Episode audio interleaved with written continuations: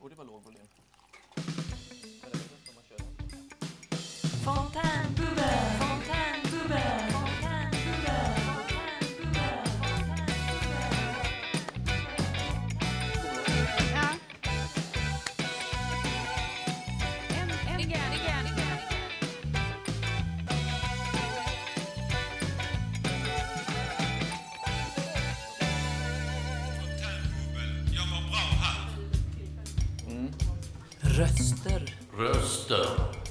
Röster. Röster. Dagens programledare Amanda och Per.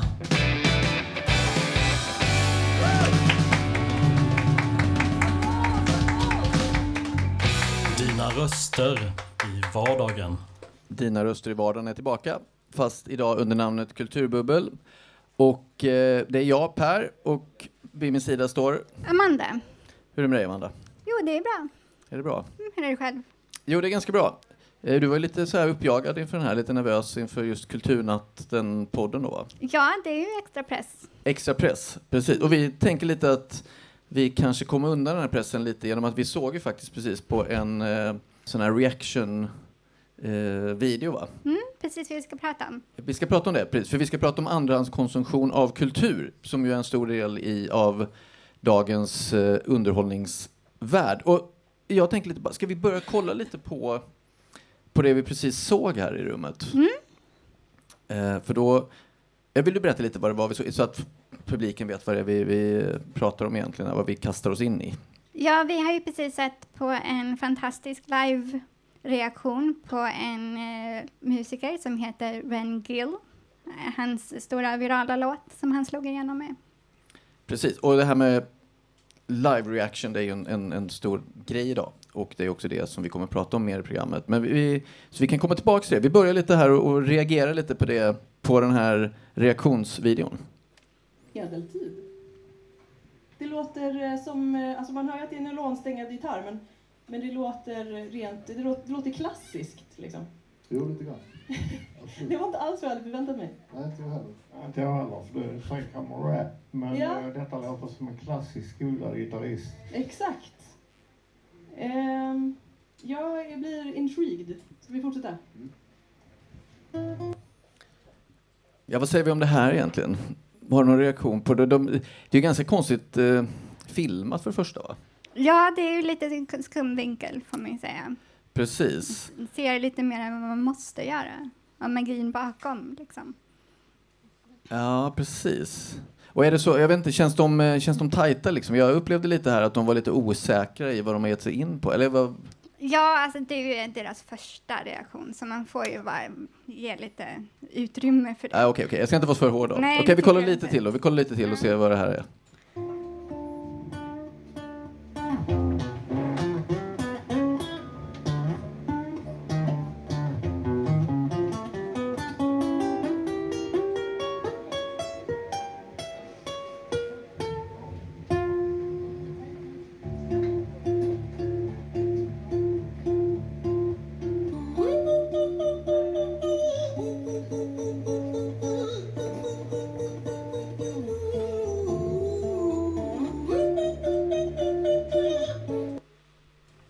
Alltså jag måste bara fråga, i live reaction, brukar, brukar de, all, man reagerar inte eller? Alltså de, som, de, de reagerar ju ingenting. Nej, de bara står där, ska man reagera mer i alla fall. Precis, jag blir lite förvånad, lite förvånad över det. Mm. Eh, men det är klart, det, vi får se, det är 20 sekunder kvar på den här, vi får se om de reagerar någonting. Ja.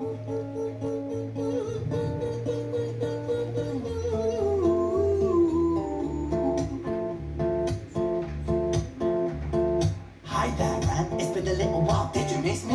You thought you buried me, didn't you? Risky. Inga reaktioner. Så att, jag tänker lite att vi kanske, vi kanske får börja reagera lite och prata lite om det vi ska prata om i programmet egentligen Ja. istället. Eh, för att det där, jag, jag är inget, eh, jag kan inte jättemycket om sån här live reaction, men jag vet inte om jag hade följt eh, den här livbojen.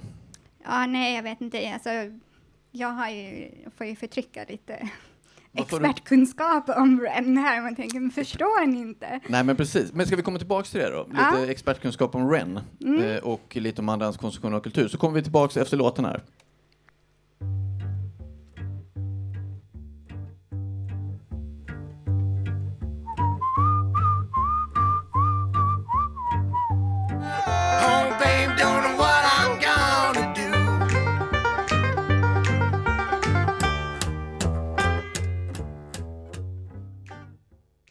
Hej, vi är tillbaka. Kulturbubbel sänder live från Lunds fontän och så här på Kulturnatten i Lund. Nådens år 2023.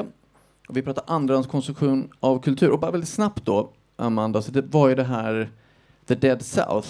Mm. Eh, I'll, in hell I'll be in good company. Mm. Och det är någon slags fenomen, också något Youtube-fenomen. Ja, den har för nuvarande 376 miljoner hits. Så den fått över sex år visserligen, men det är en sån där sak som har blivit rundskickad, blivit viral och bara liksom fortsatt växa under åren. Mm.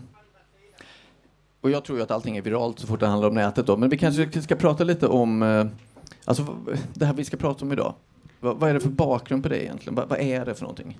Jo, eh, den här andrahandsupplevandet av kultur som vi pratar om är då att man ser på individer som reagerar på kultur samtidigt som man själv tittar på kulturen. Så det kan ju vara musik som vi hade ett exempel på, men även när folk spelar dataspel eller, eller tv-serier eller filmer eller något sådant.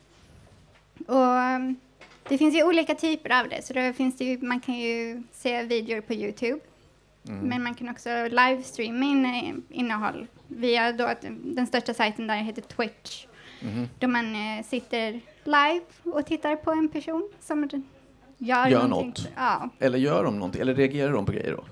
ja, det gör de ju, eller, eller spelar dataspel. Ja, okej. Eller så. Och då är det ju en, blir det ju alltid en fråga ifall man eh, ehm, om de tillför någonting till innehållet. Mhm. Eller om de bara sitter där medan det spelar. Mm. För det kan ju vara så att man hellre är mer intresserad av personen än kulturen som de Ja, just det, delar. lite personkult så som det så ofta blir. Ja, i samhället. liksom idoldyrkan har ju funnits i all evighet. Mm. Och nu för tiden så har de ju direkt kontakt med sin idol på internet. Fast det är fascinerande, då blir det liksom en, en för, meta, eller någon slags förskjutning då. Att säga att det är någon artist man tittar på som har kommit som egentligen är idolen. Mm. Fast det är inte den egentliga idolen. För den egentliga idolen är den som sitter och tittar på idolen och kommenterar idolen. Ja. Snurrigt. ja, det blir ju det. Och sen så blir det ju fråga om legalitet och sådär. Liksom att, eh, förra året så gjorde Gordon Ramsay en stor grej av att, eller han var förbryllad över att man kunde se hans show Masterchef på Twitch olagligt. Och i år så var det ju någon som var så fräck att de livestreamade The Super Bowl, som är det största sporteventet i Amerika. Mm. Och Live. kommenterade det då. och kommenterade det. Och det är frågan om de gjorde det för att kommentera eller för att kunna göra något olagligt online. Mm. Och vad, som hände med det har ju utfallet är på väg. Okej, det är uppe i rätten nu. Ja, eller vad, om utifall Super Bowl, de som har hand om det, ifall de kommer agera på det eller inte. Liksom. Mm. Mm. Nej, det är, alltså för mig är det fascinerande. Jag minns ju det här från när min son var liten och eh, inte tusan var det, innan 2010, eller runt 2010 kanske när han kollade på Minecraft. Mm. Liksom, och tittade när andra spel, det var inga kommentarer. Nej. Utan då var det någon som spelade Minecraft och så satt man och jag bara kom in men vad gör du? Du sitter och kollar på, du spelar inte, du kollar på någonting. För mig var det helt, och idag är detta då en världsmarknad. Ja, det finns alla spel. Jag vet inte vad för spel man inte kan hitta någon att titta på som spelar det. Mm. Och det är ju inte bara barn längre. Det är bara, ehm, barns intresse driver, är mycket vinstdrivande inom all media. Mm. Så det här med Minecraft var ju huvudsakligt, men det har ju blivit alla sorters människor som är engagerade i det här. Ja, precis. Vi pratade lite om det innan ju, här i veckan. Och, alltså, den är en lite obehaglig formulering, för så har den kanske alltid varit, men den kanske är ännu tydligare idag, det här du sa. Att barn driver de ekonomiska intressena idag. Och det är inte så att barn sitter och liksom jobbar på, men det som barn är intresserade av är det som genomsyrar väldigt stor del av internets stora monetära plattform. Liksom. Ja, men har fångat ett barns intresse så har man ju dem i, i ett antal år för det mesta. För de, Mm. om, när de blir förtjusta i någonting så håller de ju sig till det. Tills Just de växer ur det liksom. Ja, det är en jättebra investering om man får en barnpublik. Och det är ju inte alla som kan hålla kvar i sin barnpublik när de blir äldre. Mm. Men det är ändå ganska många fruktbara år där. Liksom. Många, många fruktbara år. Mm.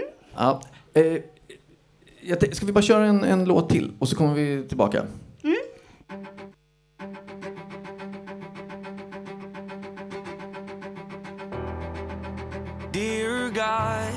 Please. Feel, but I'm too proud to open up and ask you to pick me up and pull me out this hole I'm trapped. Då var vi tillbaka, Kulturbubbel, live på Lunds fontänhus. Prata andrahandskonsumtion av kultur med Amanda här. Eh, och nu hörde vi återigen ett Youtube-fenomen då, Happy av NF. Mm. Det, han är också väldigt populär att folk reagerar på hans musik. Ah, Okej, men, men det är ju spännande då. Det är vissa artister då som är mer populära än andra att reagera på. Är det så? Ja, när, när en kanal märker att de får mycket publik av att reagera på en artist så brukar de ju hålla sig till det eller hålla, försöka hålla sig inom samma genre eller hålla kvar i den publiken de har. Mm. Men jag, jag tänker, jag har så en miljon frågor och kan prata. Men jag tänker, ska vi ta lite bara historiken lite kring det här, eller liksom var det här kommer ifrån och, och kring Youtube? Ja, det, det är bra. Um, jag tittar mycket mer på Youtube än att se på Twitch, liksom livestreamande. Jag liksom bryr mig inte så mycket om den här hela chattfunktionen i det hela. Och um, reaktioner på Youtube började liksom få språng i början på 2000-talet. Där de människor filmade sig själva och varandra i att reagera på chockerande innehåll på internet. Så folk såg på Youtube rea- deras reaktioner men inte själva innehållet i sig. Men samtidigt så är det ju, var det ju mycket vanligt att ladda upp eh, hemmavideor. Liksom barnen öppnar julklapparna, det är ju reaktioner fast det är en reaktion på verkliga livet. Och den här genren var blev liksom etablerad kring 2010. Och det var även då som en kanal som heter Fine Bros Entertainment började sin väldigt populära serie Kids React som då visade barn som reagerade komiskt på ny och gammal media. Mm. Och det blev så väldigt inrotat i det i Youtube-communityt. Och de skapade en massa olika serier och det ledde till att de 2016 kände sig självsäkra nog att försöka lägga copyright på ordet react. Mm. Så bra. Ja, så de kunde, fick, skulle få styra allt innehåll som hade med reaktioner att göra. Men eh, det blev inget av det för de fick eh, enormt dåligt gensvar ifrån de andra på Youtube och publiken och sådär. Mm. Det var väl tur. Ja, det får man ju säga. Det här med copyright har ju varit en stor fråga på, på Youtube i allmänhet, men framförallt med det här med reagerandet. Och också 2016 så blev en annan kanal, som, eh, H3H3 Productions, blev eh, stämda just eftersom de gjorde reaktionsmaterial. Och det gick så långt att de blev, de, det gick till rätten och det blev liksom en lång process och ett domslut och de fick rätt till slut att, eh, eller domstolarna höll med om att de hade all rätt att reagera på annat innehåll, liksom att det inte är att stjäla. Men även i mainstream media så har det ju funnits i, eh, det- de flesta har väl sett något klipp ifrån den brittiska realityserien Gogglebox som började 2013 Ja. med vanliga människor som reagerade på Jaha, vanliga människor som reagerar. Ja. Game of Thrones till Ja, exempel. det, det, det tittade jag lite på, ja, precis. Mm. Så man har ju sett något av det. Mm. det. Den spridningen finns. Och sen så precis under, under pandemin så ökade ju allt innehåll online eftersom folk var hemmasittande. Men även reaktioner har en relativt låg kostnadströskel. Mm. Man behöver ju bara en kamera. Eller egentligen så behöver man ju bara sin telefon. Mm. Men är det en bekvämlighet, alltså, det måste ju vara ett mått av, av vår bekvämlighet i detta, kanske, eller? Ja, jag tror det... På man- båda håll då? Om man ser det som att det, det kanske verkar enkelt att göra det här. Man behöver ju bara titta, det är ju någon annan som har gjort videon. Man behöver ju bara reagera och alla har ju jätteroliga reaktioner på saker, Mm. tycker man ju själv. Nej, jag tänker livbojen verkar ju inte vara speciellt dyr att producera till exempel. Nej, det får man Mm. Nej, men jag bara tänker, men det, alltså, om man får vara lite så här...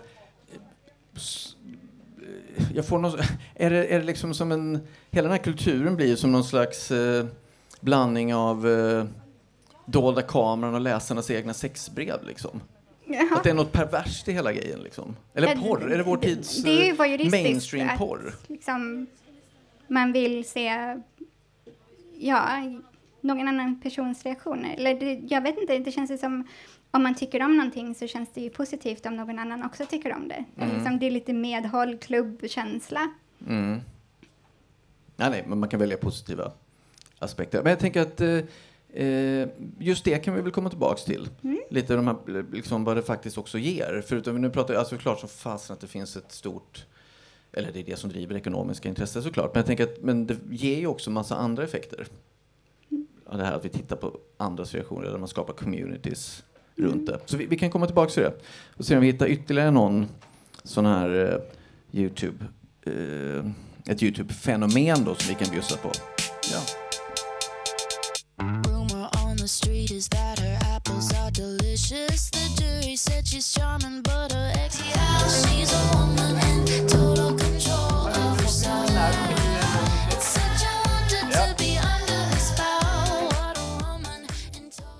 Välkomna tillbaka till Kulturbubbel.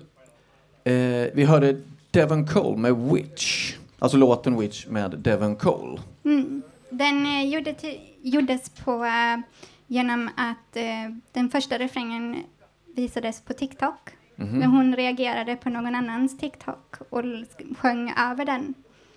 Och vänta lite nu, jag måste hänga med här. Sorry. Hon reagerade på någon annans TikTok och sjöng någon annans låt. Nej, hon, sjöng, hon sjöng sin text över en musik. Okej, men, så, men Som- som någon annan hade lagt annan. upp. Mm. Melodin var inte hennes. Nej. Men vad händer då med, med upphovsrätt? och På? TikTok så är det annorlunda. Okej. Med upphovsrätt. De, eh, jag är inte helt säker på varför de spelar så mycket copyrightad musik, men det gör de. Mm. Det är inte samma sak som på Youtube. Men, men bara så jag fattar rätt då. Och- Hon sjöng över Mm. och så blev det en, hennes egen låt. Och nu är den utgiven då och producerad. Men vad tusan säger den här första personen då som hade gjort låten liksom? Alltså, han hade ju lagt ut den på TikTok först. Ja. Och för att vilja bli viral på TikTok så vill man ju att folk ska engagera med det han Men har han gjort. blev inte så viral där.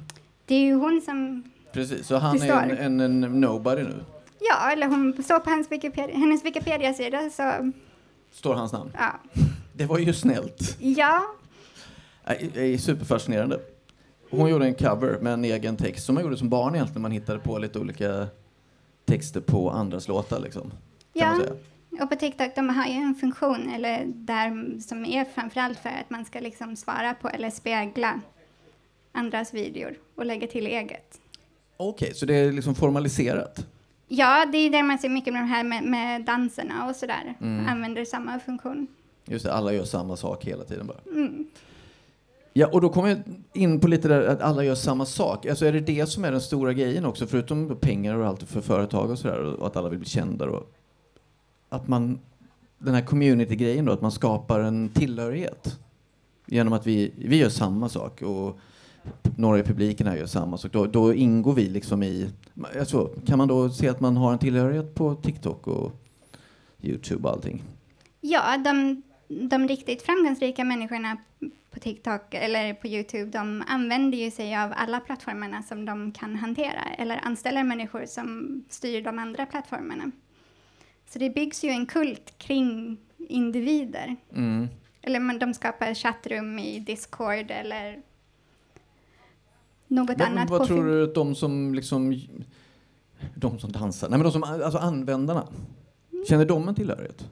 Ja, det tror jag att de blir väldigt engagerade. Som att eh, den, den eh, reaktionen på den tog ju upp liksom att det är arga fans blir ju Just det. att eh, om det finns en reaktion med en person som gör någonting man inte tycker om, då kan man ju hamna, inte i blåsväder som så, men man kan ju få väldigt mycket kritik Mm.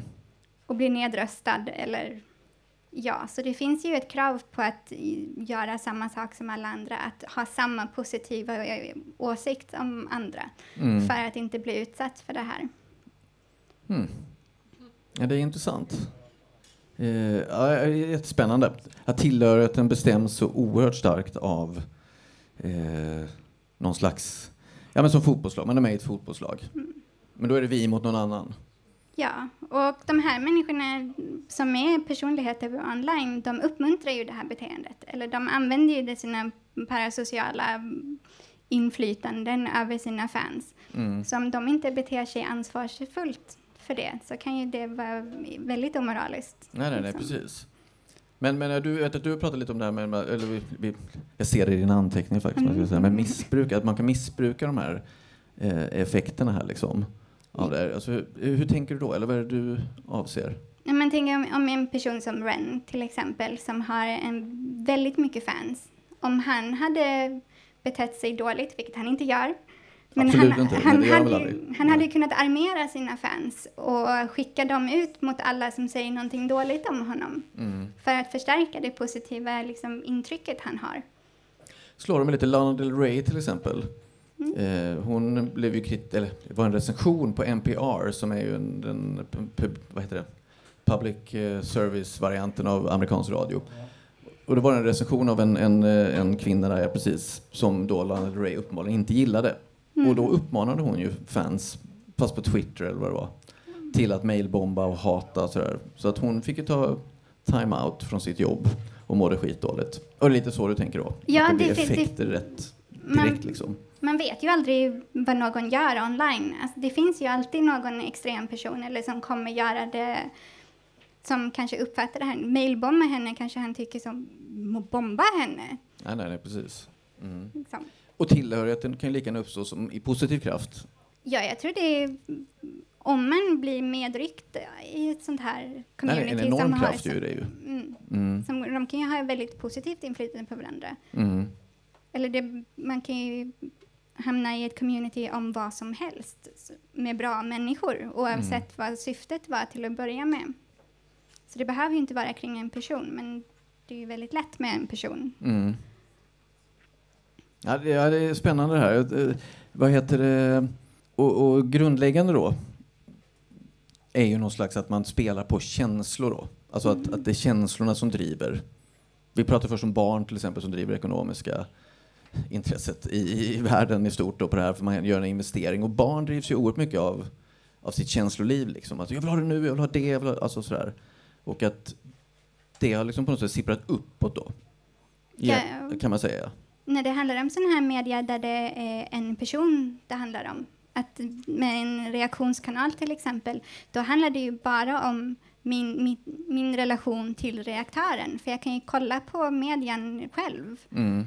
Varför skulle jag göra, titta någon annan reagera på det om jag inte tyckte om den Ja, personen? just eller om det. den inte fick mig att må bra på någon nivå, eller var rolig eller fyndig eller något. Mm. Eller ja, det finns ju en kultur av ja, att eh, se på personer man inte tycker om, Mm. bara för att kunna klaga på dem. Mm. Men ja, det, det kan tänka. Absolut. det förstår jag mig inte riktigt på, den Mm. här eh, negativiteten i det. Men du söker, för- eh, jag vet vi kommer väl in lite också på dina drivkrafter här, tänker jag, men, men eh, men känslor är också en drivkraft. För även om du, jag, vet, jag måste ändå röra lite vid det här att du ändå kanske inte, du, du är ju inte en, du, du tittar ju inte live egentligen, utan du streamar ju, eller du tittar på det. Hjälp mig här, Amanda. Ja, nej, men jag, det är vissa kanaler jag följer och sen så tycker jag man kollar dem på, på video för då kan man höja hastigheten så behöver man inte lyssna på dem tillräckligt lika länge. Nej. Så det är lite sån här uh, attention span som är begränsat hos mig också. Mm. Eller effektivisering av Precis. allting. Då, precis. Mm. Men det är ändå så att du letar ju känslor på något sätt. Du letar ju någonting. Ja, jag vill ju känna något positivt om den personen, antingen ett igenkännande eller just att jag tycker de verkar som bra människor och då känns det ju positivt att stödja en, en bra människa. Mm. Genom att ge den personen ett klick så Mm. har jag stött dens karriär. Mm. Och då, men man måste ju också förhålla, då, ofta så måste man ju förhålla sig till att de gör någonting som man inte kan stödja längre när det känns dåligt att man har stött dem. Mm. Och det är ju svårt det här med online-personligheter vars jobb det är att sitta och prata och kommentera. Mm. Det kan ju slinka ut Nej, nej, nej, absolut. helst. Liksom. Ja, gud ja. Det, det, ja, ja. Pewdiepie var väl också en sån här grej, liksom att han, Mm. plötsligt var han nazist. Ja, För någon kommentar han fällde som inte kanske var speciellt nazistisk, men det var någon, ja, det drar ju igång grejer liksom. mm. och det, med Pewdiepie så är det intressant rivaliteten mellan mainstream media och eh, internetkultur.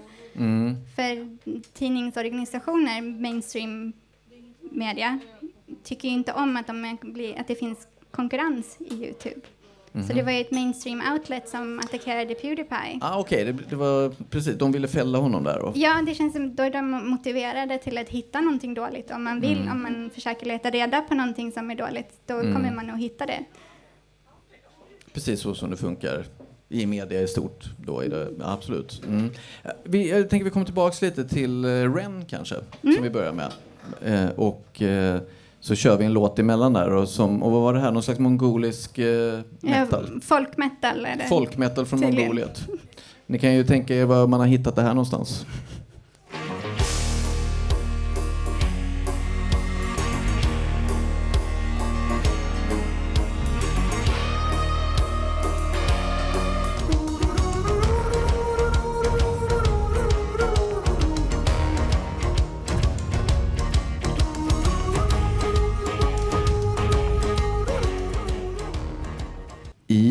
Är tillbaka och där hörde vi då, nu ska vi se om jag får rätt på eh, The Who var det som framförde Juve Juve Who. Mm, som då är ett mongoliskt folkhårdrockband som är högernationalistiskt. Ja, lite innehållet i eh, tenderar ju till eh, stolthet över ursprunget och så. Mm. Man- Man kan tänka sig att de blir hijackade i alla fall av... Det hade de Ja. lätt kunnat bli skulle jag tro. Ja, framförallt om de eh, har 114 miljoner eh, views då, va? var det så? Ja, Mm. Och du sa att den här, hur vet du att den här handlar om Genghis khan? det för jag läste texten på Youtube. På mongoliska då, eller var det nu? Ja, det är översättningen. Google jag- Translate. Mm. Mm.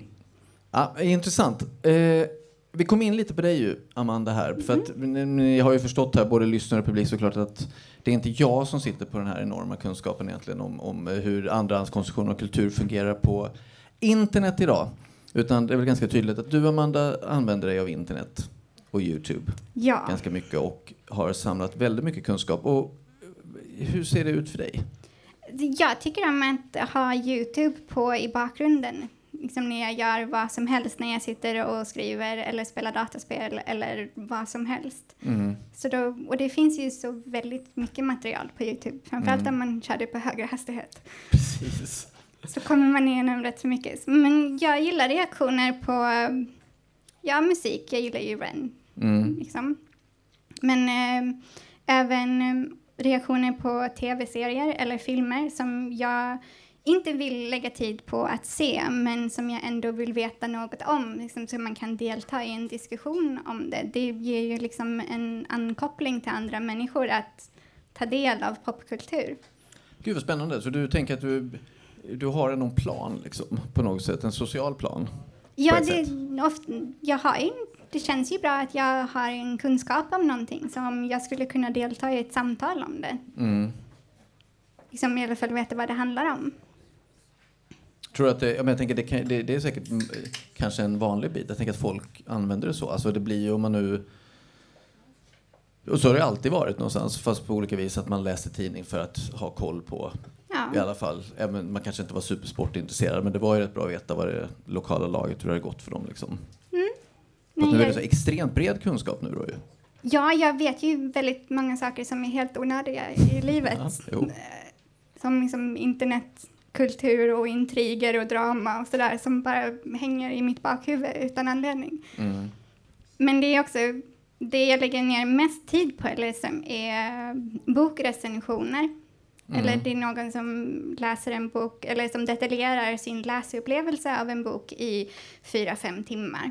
Mm. tycker jag är väldigt intressant. Och framförallt om det är liksom en, om en dålig bok, så att den sågar lite och det är vasst och, och klyftigt och sådär. Och sen så med en person som, eh, jag har ett författarintresse, om det är någon annan som har det också och som tycker det är viktigt att man ska skriva bra, Mm. då känner jag liksom den här tillhörighet och bekräftelse för utifrån det. Mm. Mm, det, ja, det är ju förståeligt såklart att man gör det. Och var det också då, tänker den här, man får ändå avslöja lite här att det var ju du som presenterade Ren för Livbojen då. Ja. Eh, och du hittade Ren då på det här sättet eller var det något som bara gick för, eller hur liksom, för du är ju en stor Ren-fan. Jag slank in på den eftersom eh, en annan en reaktör som jag tittar på mycket reagerade på hans musik. Mm. Och jag älskar det här reaktör, jag har aldrig hört Ja. det ordet, är uppfunnit ett nytt ord. Ja, reaktör. precis. Word tyckte inte om det, så Jaså, var det så? det är helt nytt. Mm, helt nytt. Här, Ni hör det för första gången här på Lunds Fontänos reaktör. Mm. Ja, förlåt, Amanda. Vad, vad, det är precis, lite Ren. Vem, du hittade honom och fastnade. Ja, alltså reaktören som jag kollar på, han är eh, involverad i hiphop-musik. Och framförallt i hiphop så har Youtube gett mig en genväg till att uppskatta musiken mer. Eftersom det, det finns en kunskapsbarriär när det gäller hiphop. Mm. Att det är väldigt mycket ref- interna referenser och så. Så att ha någon som är inrotad i kulturen som pausar och förklarar för en känns det att jag, att jag kan uppskatta hur bra de är på att skriva Mm, på ett mm. annat sätt än om jag bara lyssnade själv. Precis, så du... Var det via, men hiphop gillade du innan då? Ja, eller jag lyssnade på en komediversion av hiphop som heter Epic Rap Battles of History. Mhm. Och då visste jag ju saker om karaktärerna i de här komedisketcherna eller här komedirappen. Mm. Och då blev jag inslussad på en reaktion på en av deras videor. Och sen så fortsatte jag kolla på den personen, reaktören. Okej, men det var ändå reaktörerna som fick in dig på det här då? På något sätt?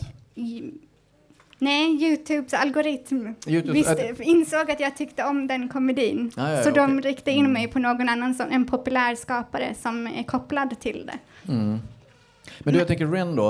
Eh, för vi ju lite inne på det ansvaret också då som, om man nu är en, du sa innan att han, gill, han har ju liksom på något sätt eh, aldrig, eh, vad hittar jag för ord här nu, men eh, han gillar ju att man reagerar på honom. Han har ju liksom på något sätt eh, absolut varit drivande i att folk får reagera på honom. Liksom. Ja. Så, men, och då kommer man in på ansvaret också. Då. Har artisten ett ansvar för om det då blir helt crazy reaktioner och de här kan dra igång drev hit för den som kanske inte reagerar på det sätt man förväntar sig i den här communityn?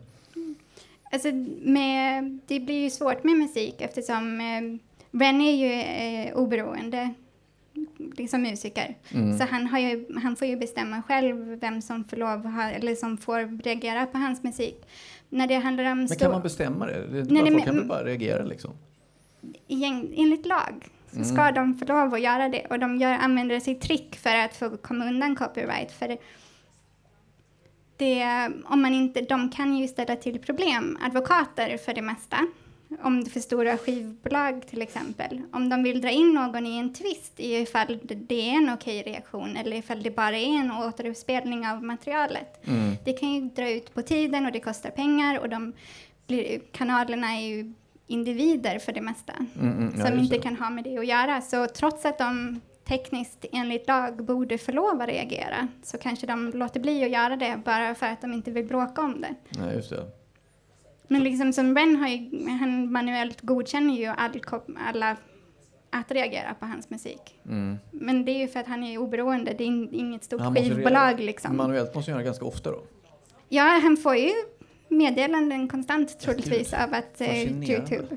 Mm. Mm.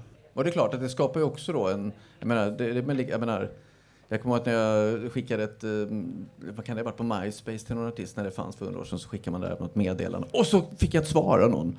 Mm. Och den artist som jag, alltså man, där är man ju för evigt barn så det är klart att då knyter han också till sig sina fans ännu trognare liksom på något Ja. sätt såklart. Mm. Jag har skrivit några kommentarer som har blivit populära och någon, har blivit likad av personen som har gjort videon.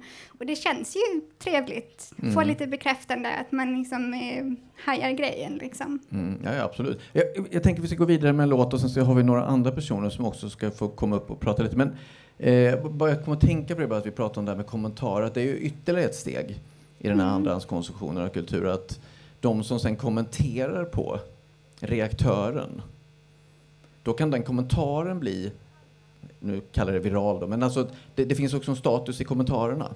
Ja, de som är, man, man likar ju andras kom- kommentarer så de, som har, de kommentarerna som har fått mest gensvar, de syns ju mest. Mm. Och framförallt om skaparen poängterar en bra en kommentar så syns ju den också mer. Och då blir man känd för att man är en kommentator.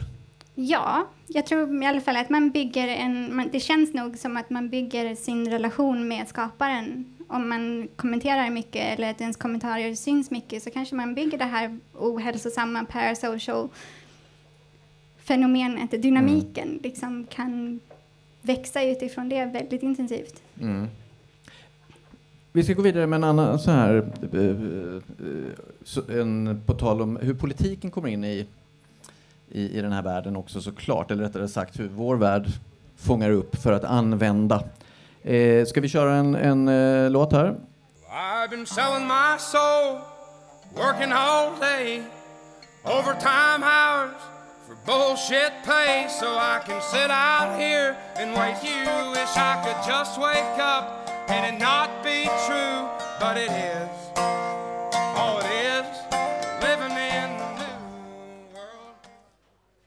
Okej, vi är tillbaka med Kulturbubbel. Och där hörde vi ju då en, en, ett rejält Youtube-fenomen då. Eh, Oliver Anthonys Richmond North of Richmond. Mm. Som ju har gett, den får man väl ändå säga är viral då? Ja, den, den eh, släpptes den 8 augusti på Youtube och den har 66 miljoner hits nuvarande. På en månad då. Ja, Mm. den hade 5 miljoner inom tre dagar. Precis. Och hur kan det bli så?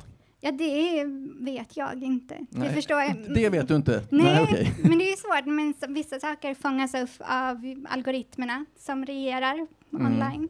Mm. Och sen så när en börjar kommentera på det och, de märker, och folk märker att den kommentaren fick eh, jättemycket feedback på sin eller hits eller så och då börjar ju alla kopiera Mm. för att liksom få den trenden.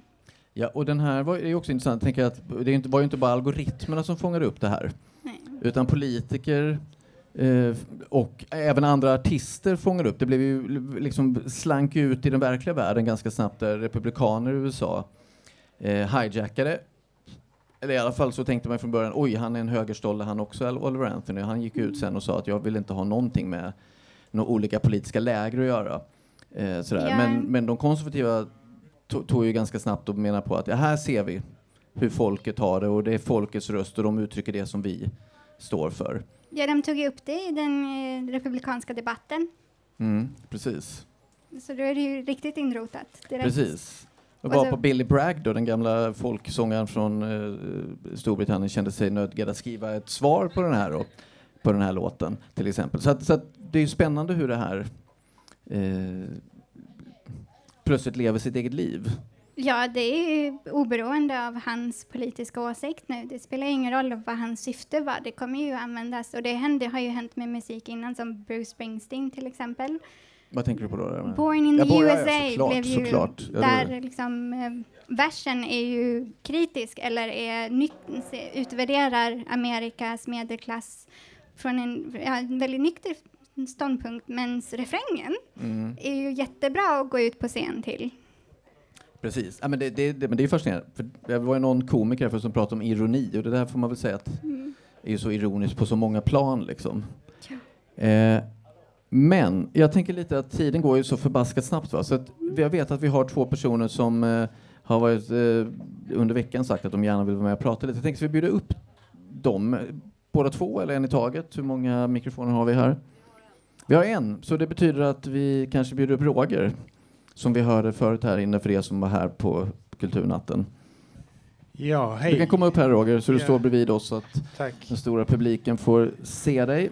Ja, jag var ju lite sen hit. Jag var ju och tittade på teater, så jag tänkte de borde väl fixat så att det gick sömlöst emellan de här olika för, eh, uppträdanden och sånt liksom.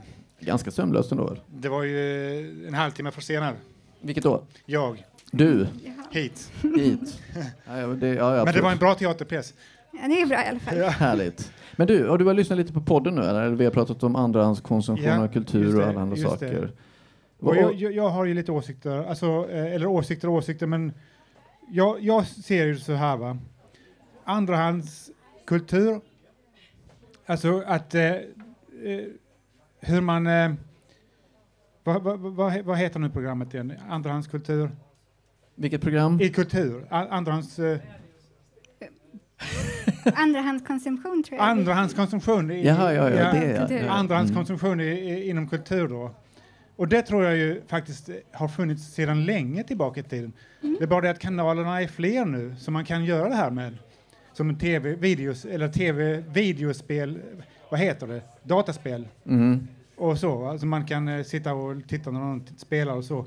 Men det fanns ju faktiskt redan på 80-70-talet när Åke Aronhill satt i ett ägg och läste böcker för publiken.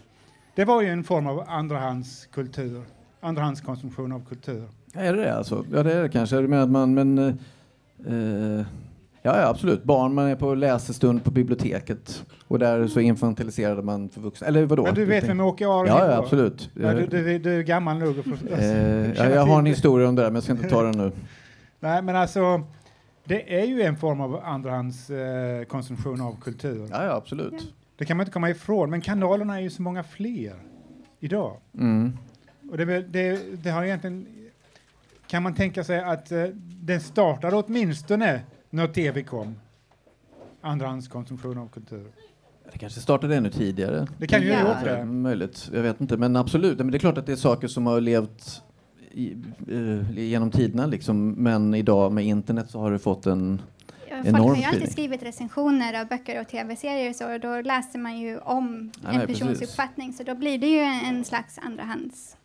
Sen det blev digitalt så allting, eller eller inte bara, det var redan innan det blev digitalt, men det har definitivt eskalerat om man säger så. Det får man väl lugnt säga. Ja. Men det, det finns en annan kille här. Ja, absolut. Tack Roger. Vi plockar fram eh, Olof också som kommer upp här. Hallå Tack, Olof. tack så mycket. Hej. Ja, jag tänkte det finns ju massa sådana här eh, andrahandsvideor. Alltså det, fin- det finns ju det finns ju till exempel en eh, sån här, många sådana här musikreaktioner. Det, det finns till exempel, ni pratade om Kids React som Mm. var att barn reagerade på programmet. Men det finns också en sån här typ, någon, en komiker, en amerikansk komiker som heter, som, som heter Jonathan Rowling som har en kanal som heter Amerikanen Reacts to svenska klassiker. Och det är att han går igenom alla svenska låtar, så att folk ger honom tips och, på olika låtar att, eh, att, eh, som han, de vill att han ska lyssna på svenska klassiker. Ibland är de på svenska, ibland är de på engelska. Och då ska han avgöra vad han tycker om de är, om de är en banger eller inte. Mm, och eh, ibland så sågar han eh, även de mest kritiska. Jag kommer ihåg till exempel när han sågade Povel Ramels Gra- Gräsänkling Blues. Den trodde jag att alla musikkritiker uppskattade jättemycket, men han sa att det här var trash. Men det kanske också beror lite på språket då, Ja, eller? det, det kan det vara, mycket väl vara. Och där är också en effekt, för han hade ju också en extra kanal som hette, som han har skapat på senare tid, som heter Amerikanen reacts to viral, svenska klassiker. Och då är det att han reagerar på videor som är från Sverige och då var det, då var det någon sån här eh, någon video som heter Ansiktsburk som var från år 2000, sådan att de hade lo, de, la såna här eh, texter på ett annat språk, om det var eh, turkiska eller vad det var, och, och så la de till texter vad de tyckte det lät som på svenska. Men han, grejen var att han hade inte fått den där texten, så han tyckte, han förstod inte alls grejen han hörde, för han, han hade inte förstått kontexten eller nånt, han, eftersom han inte hade den svenska texten tillgänglig. Så då blir det klurigt. men, ja, och så finns det ju som sagt, det är ju massa, massa, innan jag lämnar det så kan jag säga det finns även en massa andra, de här eh, politiska debatter kan ofta föras så, så här ibland som vid reactions, men också att man, man kan följa liksom att de reagerar på den här, den här användaren sa det här och det här och ibland leder det till debatter mellan de två när de har re- reagerat på de andra. Men ja, det, men det var det jag skulle säga. Ja, så tack så hemskt mycket Olof. Tack, tack. Precis, och det var väl lite den här med debatt, alltså att saker fortsätter leva sitt liv i kommentarerna utifrån kreatörerna. Ja. Eller, jo, men inte kreatör, reaktörerna. Ja. Det var jag som var gammaldags där va?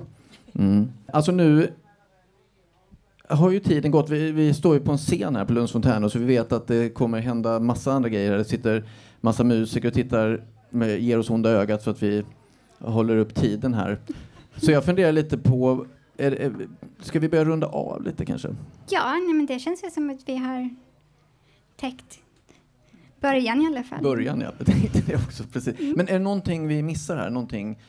Jag måste ju bara säga, för jag, alltså, eh, en, en, kring det här med kommentarer som vi pratade om innan, att det, att det också finns ett, ett, eh, en del av det där man faktiskt också betalar för att flytta upp sin kommentar. Ja, men eh, i alla fall att man eh, ser till att personen som har skapat videon ser kommentaren.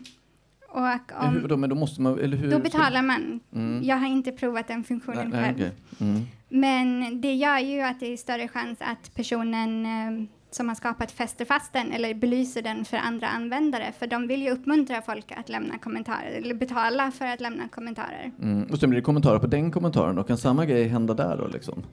Det vet jag inte om det går så långt, men folk reagerar ju. Det kan ju föra hela sam- starka debatter i kommentarsektionen. Mm.